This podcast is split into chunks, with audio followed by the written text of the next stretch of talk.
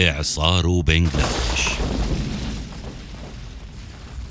بنغلاديش تعد من المناطق التي تعتبر الأعاصير مألوفة بالنسبة لها فلطالما كانت تضربها وكانت تلملم جراحها.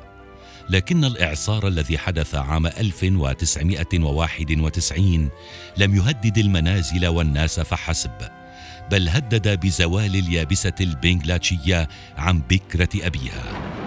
فكيف يمكن لإعصار أن ينزل من مستوى الأرض؟ أي يخفضها أو يخسف بها؟ هذا الإعصار إعصار بنغلاديش يعتبر من أحد أكثر الأعاصير فتكا مما عرفه البشر أو مما سجله التاريخ. فتخيل معي أننا في ربيع العام 1991 في شهر نيسان. وبينما كان الناس ربما يستمتعون ببهجة فصل الربيع. تراءى من البعيد ما يبدو إعصارا عملاقا عند منطقة خليج البنغال.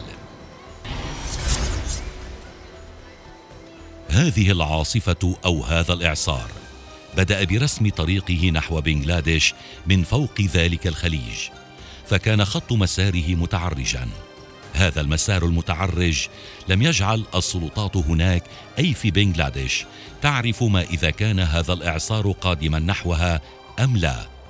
فعلى الفور أبلغت السلطات المحلية وخفر السواحل بضرورة توقف الملاحة لمعرفة إلى ماذا ستؤول الأمور. أبلغت السلطات المحلية وخفر السواحل بضرورة توقف الملاحة لمعرفة إلى ماذا ستؤول الأمور.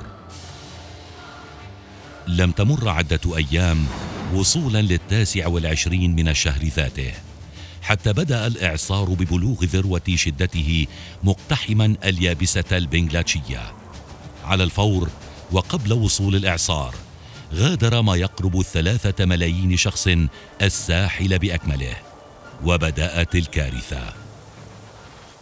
سرعة الرياح عند دخول الإعصار وصلت المئتين وخمسين كيلومترا في الساعة.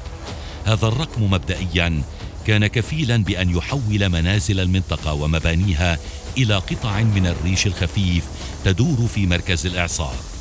فبات من الطبيعي وقتها أن ترى سيارة بوزن طنين تدور وتدور حول مركز الإعصار. وليس هذا فحسب بل الأبقار والحيوانات والجثث تواجدت على بعد أميال من مكانها الأصلي.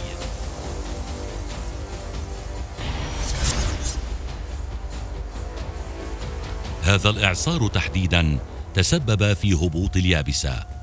فتخيل أن تكون واقفا وتنزل فيك الأرض ثم تبدأ الأمطار الغزيرة بغمرك وغمرها وغمر المباني من حولك. فانخفضت اليابسة بمقدار خمسة أمتار ونصف المتر. وتلك الرياح السريعة ضربت منطقة مأهولة بالسكان لمدة اثنتي عشرة ساعة متواصلة بالإضافة إلى اثنتي عشرة جزيرة أخرى. إحدى تلك الجزر تدعى كودوبيتا.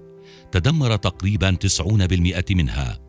قتل في هذا الإعصار نحو المئة وثمانين ألف شخص.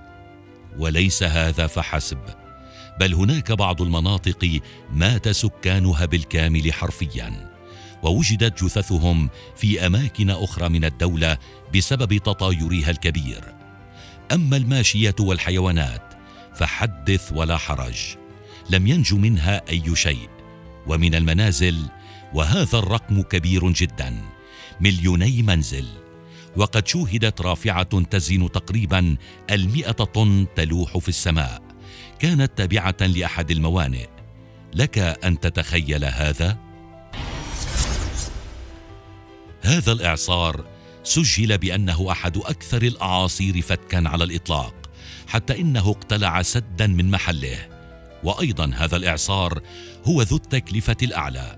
فقد كانت الخسائر تقدر بنحو مليار وسبعمائة مليون دولار أمريكي فيما جرف الإعصار مساحات زراعية كبيرة ناهيك عن الدمار الذي لحق بالقواعد البحرية هناك.